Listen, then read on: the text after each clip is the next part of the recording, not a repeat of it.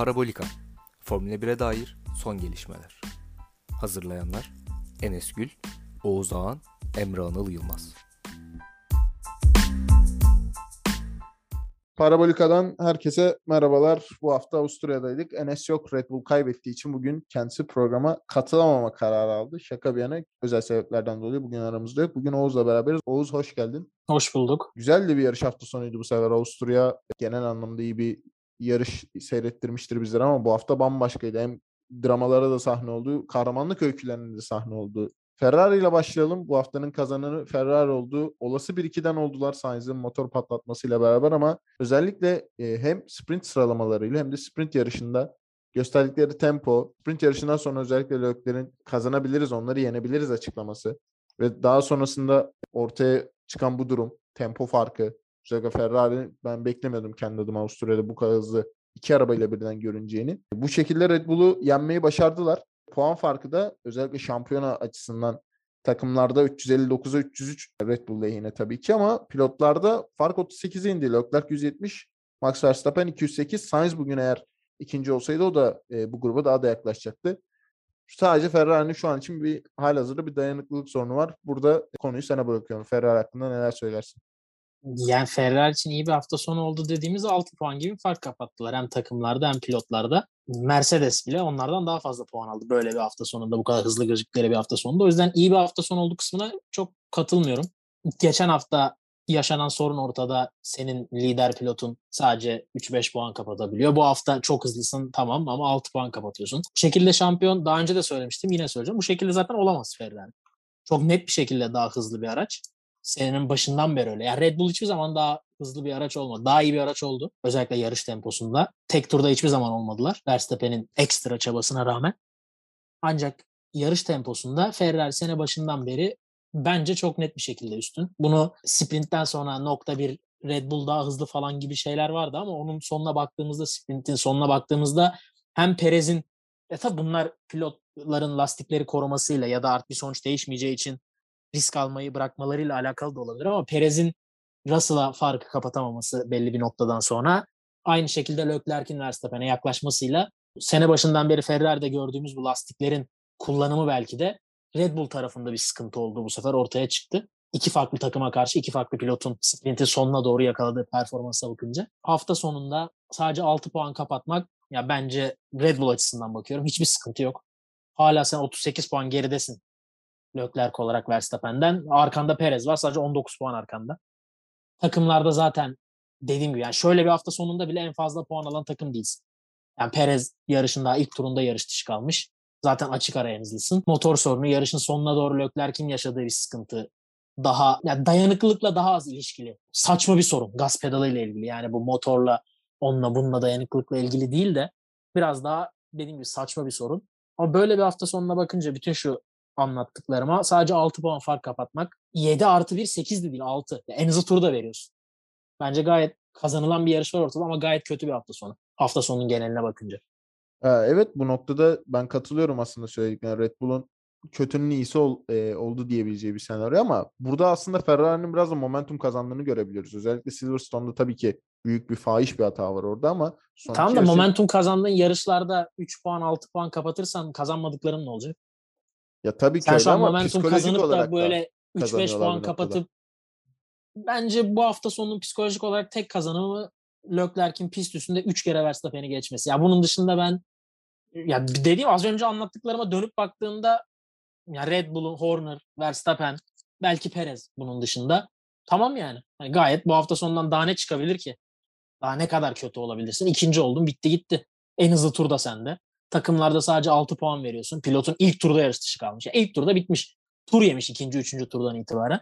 Zaten bütün sene böyle devam edecekse Ferrari şampiyon olacak. Yani Ferrari hem yaptığı hatalar hem dayanıklık sorunu hem de yani bir yerden sonra Verstappen ve Red Bull'un özellikle bazı pistlerde daha iyi olacağını hesaba katarsak burada kapatılan bu kadar hızlıyken kapatılan 3-5 puan yani bana çok önemli gelmiyor açıkçası. Ya bir noktada ben şöyle olacağını düşünüyorum. Tabii ki bu kadar az puan farkları olması yani iyi bir hafta sonu dediğin gibi sadece 6 puan 7 puanlık kapanması evet bir dezavantajdır ama sürekli olarak o kazanma alışkanlığı bir noktada e, büyük fark yaratacak. Özellikle bugün dediğin gibi psikolojik olarak da Lökler'in de biraz da kendine geldiğini de gördük.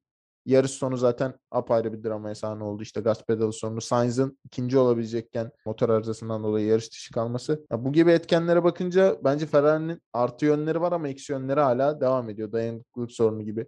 Mesela bu hafta pit sorununu vesaire çözdüler. Yani geçen haftaki Ferrari olsa sanal güvenlik aracında mesela muhtemelen almazlar pite.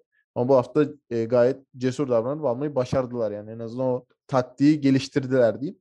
Bu noktada ben 38 puana inmesi evet bir noktada hala eksi diyebiliriz ama şu anki artık biraz da momentum Ferrari'ye doğru döndüğünü düşünüyorum ben. E, avantajı yavaş yavaş eline alabilirler ama e, ben sene sonunda hala Verstappen'in kazanacağını düşünüyorum. Bu hala benim değişmeyen fikrim. Öte taraftan Red Bull'da bir düşüş var. Özellikle Perez'in sıralama turlarında Gazli'yi Q3'e almaması diyeyim tırnak içinde o zaman turundan dolayı. Orada bir Fia'nın da bir hatası oldu ama daha sonrasında sprintte toparladı kendini. Startta da iyi başladı ama 3. viraj kazaları zaten bu hafta gündem oldu. 3. virajda Russell yaşadığı bir temas. Pite girdi tur yedi ve kalanda da zaten yarıştan geri çekilmek zorunda kaldı. Verstappen de çok fazla umduğunu bulamadı. Tempo olarak da çok yavaş kaldığını söyledi. Red Bull'u nasıl değerlendirirsin? Red Bull açıkçası kenar yönetimiyle o kadar tecrübeli ki bunu yememişlerdir muhtemelen. Yani bugün işlerin terse doğru gideceğini biliyorlardı. Sürekli bir şey denediler. Sürekli en azından bir şekilde önde kalmaya çalıştılar. Ama üç kere geçilmek ana rakibine pist üstünde biraz küçük düşürücü bir durum Verstappen ve Red Bull açısından. Kendi seyircisi önünde, kendi pistinde bunlar hep eksiye yazan şeyler kendi moralleri açısından. Ama ana rakibine nerede olursa olsun üç kere pistin üstünde geçilmek Verstappen bugün neden bu kadar sinirli olduğunu aslında bize gösteriyor. Çok sinirliydi. Sürekli söylendi. Sürekli bir şeylere söylendi. Arkadan yeni lastikle gelen rakibine karşı o virajda o çizgide tutunamayacağım belliyken ona bile söylendi. Verstappen'den çok fazla gördüğüm agresif ama bu kadar sinirini bize yansıtıp da sürüşüne etki etmez. Belki sürüşüne bile etki edecek derecede sinirliydi. Ee, Red Bull bunun farkında olsa da acaba Verstappen farkında değil miydi diye yarışın içinde düşün. Yani bugün de bir şekilde önde kalıp kontrol edip yarışı kazanacağız diye mi düşünüyordu acaba? Ben tekrar söylüyorum Red Bull kenar yönetiminin buna çok e, kanacak derecede tecrübesiz olduğunu düşünmüyorum. Bir şeylerin farkındalardı. Perez olsaydı yukarılarda gördük ki çok bir etki etmezdi bu Ferrari'lerin hızına. Yani öyle bir çok taktik yapacak, sıkıştıracak derecede yakın değil. Yani çok umursamazdı Ferrari. Perez erken pite girdi aman gerisine düştük. Çok umurunda olmazdı. Muhtemelen bir şey değiştirmezdi Perez'in oralarda olması. Bir form düşüklüğü var mı? Şöyle bakalım geçen hafta saçma sapan aracın parçası Verstappen'in aracının altına sıkışmasa muhtemelen sonunda güvenlik aracını çıkartıyorum. Orada ne olacağı hiçbir zaman belli olmaz. Ama yarışa baktığımızda muhtemelen Verstappen rahat bir şekilde lider gidecekti. Bütün sene çok net bir şekilde üçüncü olan araçtan yavaş bir Ferrari vardı yarışın büyük bir bölümünde. Ve Verstappen çok ciddi bir şekilde Hamilton'ın onları yakaladığını düşünürsek onlardan kopacak ve yarışı kazanacaktı. Sondaki güvenlik aracını dışarıda bırakıyorum. Yani form düşüklüğü var mı? Ben çok katılmıyorum. Yine gördük. Cumartesi elinden geleni yaptı. Tek turda Ferrari'lerin sene başından beri hızlı olduğu çok netken poli aldı mı yanılmıyorum. Sıralama turlarını sprint, sprint polini aldı. Ona rağmen en önde bitirmesi dediğim gibi yarışta burada eksi yazan bir şey varsa belki lastik kullanımı olur. Ancak ondan yana da bir şikayet yok. Verstappen genel olarak aracın dengesinden bir şikayet vardı. Yani biz lastikleri çabuk bitiriyoruz. Ferrari nasıl bu kadar kalıyor ya yönelik değil de araç bir tur öyle bir tur böyle bir tur ön tarafta yol tutuş var bir tur yok tarzı bir şikayeti vardı genel olarak. Ben geriye düşüş yani geriye doğru bir gidiş olduğunu çok hissetmiyorum bu yarış özelinde olsa da. Daha Hollanda gibi Verstappen'in ev sahibi olduğu. Fransa'da her zaman rekabetçi olmuştur Red Bull. Aynı şekilde Meksika, Brezilya. Özellikle Brezilya Ferrari'nin önünde kalırlar genelde. Meksika'da da genelde en hızlı araç olurlar gibi yarışlar Geçen sene Amerika aynı şekilde varken toparlanabileceklerini düşünüyorum. Ben Fransa'nın özellikle Red Bull'un favori olarak gittiğini düşünüyorum. Yani Fransa'da hep Red Bull iyi kalmış aklımda. Bu sene işler biraz ters de olsa en hızlı araç Ferrari. Ancak Fransa'da ben yine favori Verstappen olarak görüyorum. Dediğin gibi aslında bir form düşüklüğü yok ama bu hafta özellikle kendi evlerinde bu yenilgiyi almaları belki biraz psikolojik olarak e, dengelerini bozabilir ama Red Bull hala gücünü çok da kaybetmiş gözükmüyor. Bu haftalık kaybetmiş gözükse de genel gücünden bir eksiklik yok. Mick Schumacher'a gelelim aslında herkesin beklediği bir performansa doğru evrildi. Üst üste ikinci kez puan aldı. Bugün altıncı bitirdi bu haftayı. Sprint yarışında da Magnussen'le daha doğrusu takım vasıtasıyla e, yaşadığı bir problem oldu. Hem Magnussen'le hem takımla alakalı. Zaten basın toplantısında da yarış sonu konuşmasında da çok değinmedi buna ama bir siniri belliydi söylemlerinden diyeyim. Mick Schumacher sonunda şanssızlığını kırdı iki haftadır. iyi de bir performans gösteriyor. Bu kadar çok eleştiriye bir cevap vereceği az çok be- e, bekleniyordu bence ama bu kadar net bir şekilde üst üste iki haftada iyi performans göstererek vereceğini herhalde hiç kimse düşünmüyordur diye düşünüyorum. E, bu konuda ne söylersin? Sonuçta Mick Schumacher bir Formula 2 şampiyonu. Kendini ispatlayarak geldi. Soyadının hakkını yavaş yavaş vermeye başlıyor diyebilir miyiz? Aslında iyi bir pilot olduğunu geçen sene hani o Haas'la birlikte Latifi ile mücadele ettiği Portekiz yarışından beri gösteriyordu. Yani o çok ayrı bir şeydi. Grid'de neredeyse olmaması gereken bir Haas'la o kadar rekabetçi olması. Ondan sonra bu sene beklentiler iyice arttı. Formula 1'e bir yıl ara vermiş ve son anda gelmiş Magnussen'e karşı önde gidebileceği düşünülüyordu. Ki açıkçası ben de en azından yakın olacağını düşünüyordum. Olmadı. Biraz şanssızlık, biraz tecrübesizlik diyelim. Ben çok da şanssızlık olduğuna katılmıyorum. Ama bir yerde yani bu puan geldiğinde bir yerde işler döndüğünde Mick'in yukarı doğru gideceği belliydi demeyeyim ben hissediyordum. Geçen hafta çok iyi bir performans. Bu haftaki sprintteki o asıl siniri bence puan alabilecekken puan alamaması.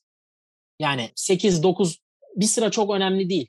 Takımın taktik hatası da var kabul. Başta Mick daha hızlıydı ama sonlara doğru özellikle o rekabete girince ya Magnussen yerinde olsan da takımdan bir şey gelmezse durayım da DRS vereyim yavaşlayayım demezsin açıkçası. Yani çünkü Mick'in arkasındaki adam Hamilton. Yani Mick'i geçtiğinde sıranın sana geleceğini biliyorsun ve gelen adam Hamilton. Yani bir tur bile yeterli bazı şeyler için. Kaçabilmişken kaçmak Magnussen açısından, kendi açısından baktığımızda çok doğru. Bize telsiz mesajı yansıttığında işler geçmişti zaten. Yani Magnussen durup yavaşlayacak, verecek. Zaten Hamilton'a iki DRS alanı yetiyordu. Bunlar artık iş işten geçmişti. Ama telsiz mesajı genelde bize biraz geç geliyor. Muhtemelen Mick bunu daha önce istedi. Bize geldiği noktadan bahsediyorum.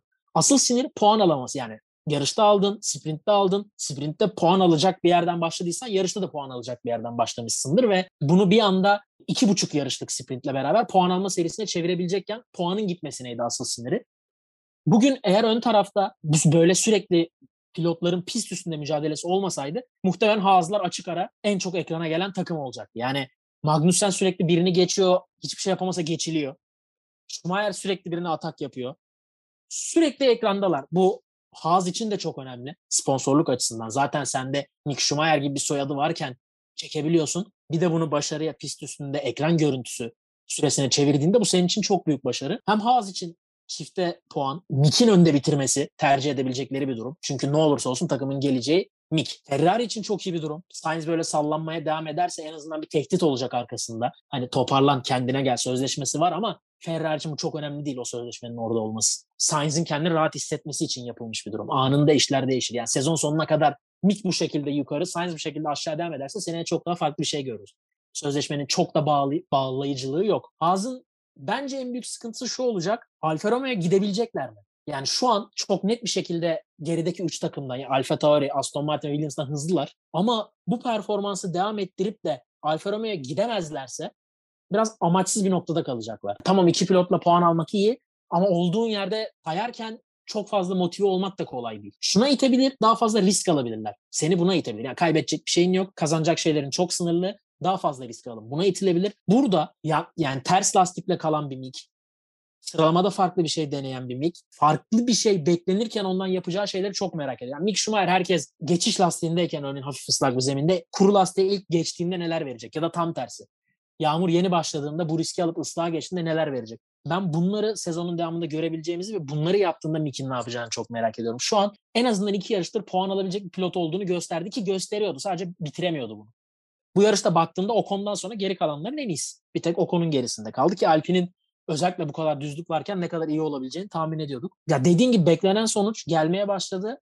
Umuyorum çünkü kendisini gerçekten seviyorum. Çok pist dışında da çok efendi, çok iyi bir insan. Umuyorum bu şekilde devam edecek Mick. Bence önemli iki nokta var. Şimdi Mick Schumacher'in özellikle bu genç yaşında sprint yarışında özellikle Hamilton'la girdiği mücadele, savunma şekli, adilliği bir kenara Haas'ın da hiç güncelleme getirmediğini hatırlamak lazım. Bence bu da önemli bir detay. Haas hiç büyük güncelleme getirmedi sanki ya. Yok işte onu diyorum getirmedi. Hiçbir güncelleme getirmedi. Yok yani sene, sadece bu yarış özelinde sene başından beri çok tabii, küçük tabii. küçük gidiyorlar. Hani böyle Aston Martin'in dediği gibi işte Mercedes'in dediği gibi böyle bir anda bir şey koymadılar ortaya ya da McLaren gibi. Koyacaklar mı acaba? Bu da bir taktik olabilir. Yani bütün hepsini biriktirelim bir yarışa gelelim yerine her yarış küçük küçük, her yarış küçük küçük toplamda büyük bir parça ortaya çıkarmak da bir taktik olabilir. Nasıl ilerleyecekler bilmiyoruz. O biraz da hani belki hala bir maddi yumruk var. yükten dolayı da söyledi aslında. Hani sürekli olarak işte gelen kazalar vesaire hani maddi İşte bu şekilde devam edersen de maddi yük de işte maddi yük de biraz alınır senden bu şekilde devam edersen. Ya hem Mick özelinde hem takım özelinde. Yani Mick'i konuştum ben hep. Magnussen 8. bitirdi. Yani o Tabii, da çok iyi iyi. bir sonuç O da çok iyi. Şöyle Haas dediğim gibi geçen sene zaten çok çok uzaktı. Hani hiç yoktu bile neredeyse pist ama bu sefer sürekli olarak ki Silverstone'da da gayet iyilerdi. Burada da keza aynı performans. Yani iyi gösteriyorlar kendilerini ve bundan sonra Fransa'da da en azından iki pilottan birinin ben puan alacağını düşünüyorum tekrar. Çünkü Haas bir momentum yakaladı. Bunu da kolay kolay kaybetmeyeceklerdir diye düşünüyorum. Ya bunu söylemek biraz zor bence. Yani çünkü şöyle bir durum var. Sağlıklı kalırlarsa iki Mercedes kalıyor sağlıklı. İlk onda iki Mercedes var. Bir Ferrari bir Red Bull kesin kalıyor. Eğer ikisi birden kalırsa zaten 6 yer kapanıyor. Norris genelde orada. Alonso Ocon, Alonso'nun başına bir şey gelmezse oralarda. Ya puan aslında çok zor ortalarda. Bu kadar puan almaları alttaki takımların asıl nedeni öndeki 4 aracın ikisinin genelde bazen üçünün dışarıda kalması bir anda. Yani o eski Mercedes döneminde yanına Red Bull gelirdi. Onlar da iyi kalırdı. Ferrari gelirdi. Onlar da iyi kalırdı. Bu sene onu göremiyoruz. İki araç sürekli dışarıda. Önünde olması gereken. Aslında Ve ona, sana ona mütemadiyen söyledim ben de. Hani sürekli mesela bu hafta net bir rekabet gördük. Yani Charles Leclerc'le Verstappen'i yan yana çok nadir görüyoruz. Çünkü hep ikisinden biri mekanik arıza yaşıyor. Ferrari ve Red Bull tarafında. Ya bu hafta da aynı şey oldu. Sürekli olarak bundan dem vurduğum için aslında Fransa'da biraz daha iddialı gördüm. Yani ha- gene böyle bir şey Ya olabilir tabii iki yani her alıştığımız bir senaryo olursa evet gayet iki hazda özellikle birinin puan alması çok ortada. Yani şu an şöyle bir senaryo var. İki McLaren, iki Alpine puan aldılar. İki haz atla. Yani ikişer araçla puan alıyorlar artık. İlk onda o kadar yer açılıyor. Dediğin doğru ama herkesin sağlıklı bir- kaldığı bir senaryoda kestiremiyorum. Yani çok zor. Çünkü oraya çok yakın aday var ve Latifi hariç çok kopan biri yok oradan. Ya puan almasına şaşıracağım biri yok Latifi'den başka. bu şekilde de Haas defterini kapatmış olduk. Kendilerine de iyi şanslar diliyoruz ve bence çok kritik bir istatistik var burada. Lewis Hamilton üst üste üçüncü kez podyuma çıktı. Bu seneki dördüncü podyumu. Lewis Hamilton'ın hala devam eden bir istatistiği var ama şu an tabii sezon bitmediği için bunu e, net olarak söyleyemiyoruz. Her sene bir yarış kazanması var. Bir de pole pozisyonu aldığı bir durum var. Yani bu ikisinden birini sürekli olarak her sene yapıyor. Bu sene bunu devam ettirebilir mi? Silverstone'da aslında olabilirdi ama Avusturya'da özellikle yarış temposu olarak çok geride kaldıklarını düşünüyorum. Özellikle Ferrari ve Red Bull'a kıyasla ki Ferrari bugün başka bir seviyedeydi ama Lewis Hamilton sonuçta Mercedes'in bugün ayakta kalan bir diğer ismi oldu. Yani Russell'ın erkenden düşüp tabii sonradan tekrar yükselse de üst taraflarda kalmayı başardı Lewis Hamilton. O da gerilerden yükselerek ki hafta sonu bir kaza geçirmesine rağmen. Ben bu sene içinde bir yarış kazanabileceğini düşünüyorum Lewis Hamilton'ın. Bence ihtimali var. Özellikle Red Bull ve Ferrari bu kadar yarış dışı kalabilirken ki Lewis Hamilton bu sene yarış dışı kalmayan e, sayılı pilotlardan. Bu Net bir bilgim yok. Tektir muhtemelen. Herkesin başına bir şey geldi çünkü. Bence pole pozisyonu bilmiyorum ama bir yarış yine bir yarış kazanabileceği düşünüyorum. Yani bence Hamilton da kazanabilir yani.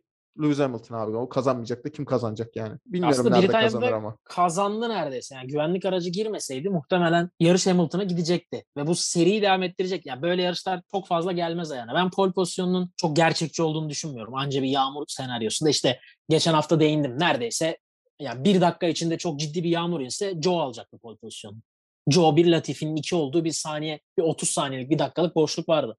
O şekilde bir şey olabilir. Onun dışında pole pozisyonu bence hiç gerçekçi değil. Ama neredeyse ikinci ev olan Brezilya var. Nasıl Mercedes performans gösterecek? Macaristan gibi bir yarış var.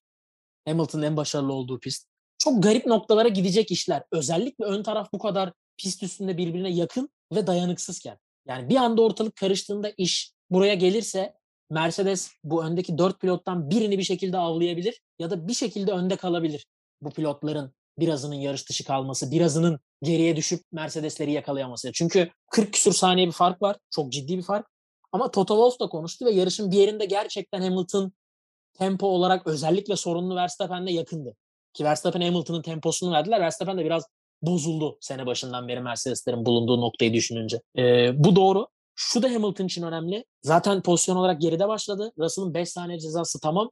Ama 17-18 saniye önünde bitirdi yarışı. En azından son birkaç tura kadar 19 saniye öndeydi. Sonlarda biraz kapandı galiba. Yani bunu yaptığın isim de Russell. Bu griddeki en yetenekli 4-5 pilottan birisi bu kadar geriden gelirken. Ya tamam yapan kişi Hamilton da sene başından beri Russell'ın içinde bulunduğu durum ortada ne kadar performansının iyi oldu. Bu da Hamilton açısından ayrı bir nokta ve son 2-3 yarıştır Hamilton'ın yarış temposunun Mercedes'in üstünde olduğunu görüyoruz. Çünkü Russell da Mercedes'in verebildiğini alabilecek bir pilotken Hamilton'ın hem Britanya'da hem Kanada'da hem burada araçtan daha fazlasını aldı yarış temposu için. Ki tek turda da ortalığı karıştırabilirlerdi. Çünkü ilk sektörde hızlılardı. Üçüncü sektörde yavaş kalsalar da bir şekilde bir araya getirebiliyorlardı turu. Ortalığı karıştırıp özellikle Perez'in ceza almadan önceki halini söylüyorum. Önüne geçebilirlerdi bir araçla. Bu ileriye doğru gittiklerini gösteriyor. Hala istenilen yerde değiller. Ama Silverstone gibi her şeyin denk geldiği bir yarışı Hamilton kazanabilir. Pole pozisyon imkansız ama kazanma serisi ben de senin gibi düşünüyorum. Devam edebilir. Ben açıkça söyleyeyim imkansız pole pozisyon alması. Bu şekilde devam ederlerse. Çok ciddi bir atılım lazım. Yani Tabii. Verstappen ve Red Bull bile tek turda Ferrari'yi yakalayamıyorken senin bir anda gelip Red Bull'u geçip Ferrari'ye kafa tutman kuru şartlar altında bence mümkün değil. Islakta da değil ama dediğim gibi sen doğru zamanda tura atarsın. Diğerleri gelmeden işler karışır. Kırmızı bayrak çıkar. Pist kurur. Sen kuru lastikle turunu bitirirsin. Kırmızı bayrak çıkar. Bir dakika kalmıştır. Bitirirler falan filan. Anca öyle ama temiz bir sıralama turlarında ben mümkün görmüyorum. Bu şekilde ben şöyle küçük bir ekleme yapayım sadece.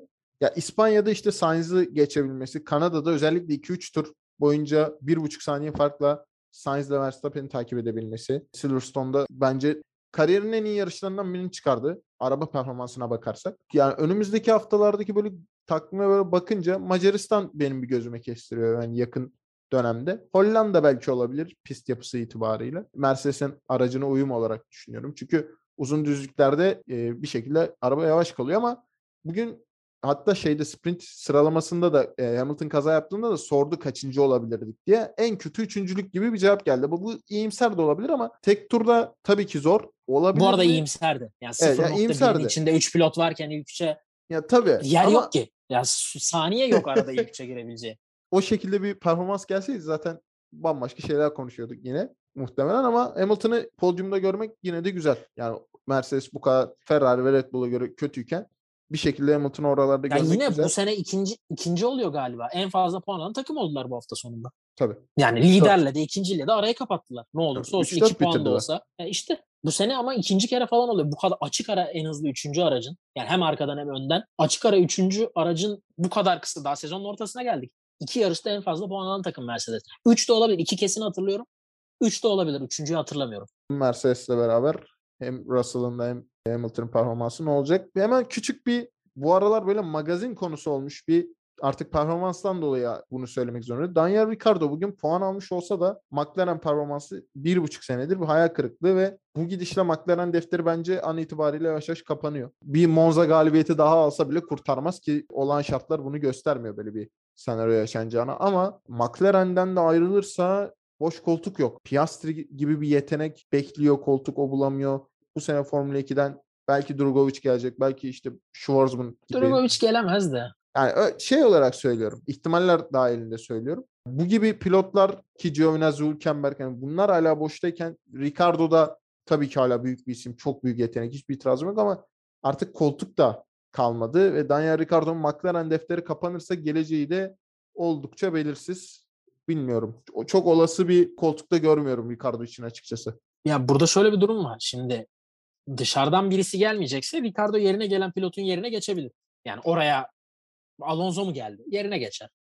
Muhtemelen o takımın ilk gideceği aday Ricardo olabilir.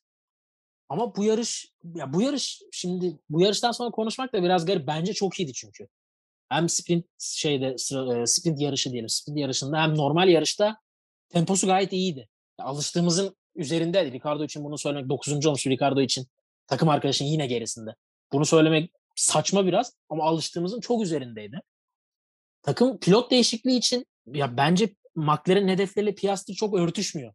Ne kadar iyi bir yetenek de olsa senin şu an Lando Norris gibi seni zafere taşıyabilecek diyelim. Podyuma taşıyabilecek pilotun varken orayı destekleyecek pilota ihtiyacın var. Yani mesela Mick Schumacher bence olabilir. Aynı şekilde Bottas. Ben her zaman söylüyorum. Ben şu anki formuyla oranın ilk adayı. Ya ben ne kadar modasının geçtiğini düşünsem de bu seneki performansıyla gene bu yarıştan sonra söylemek ilginç olacak ama Vettel aynı şekilde oraya gidebilir.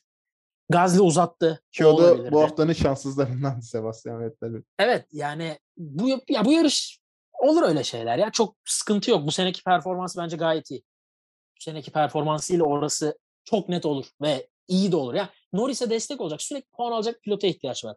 Şimdi bunu Ricardo olarak baktığında bu doğru. Ya dersin ki Ricardo tamam. Geçen sene izlemiş birine söylesen bu sene izlemiş. Yani bir buçuk sene önceden kalmış bir insana desen ki böyle böyle. Zaten bir buçuk sene önceye gitmiş bir insana Ricardo'nun ikinci pilot olduğunu da inandıramazsın Norris'in yanında.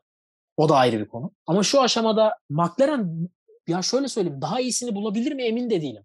Emin dedim. Yani ben az önce saydığım isimler daha iyi olur mu? Olur. Ama Mick Schumacher neden gelsin Haas'ı bırakıp? Ya bu nasıl mümkün kılınacak? Ya da Valtteri Bottas için aynı şey geçerli.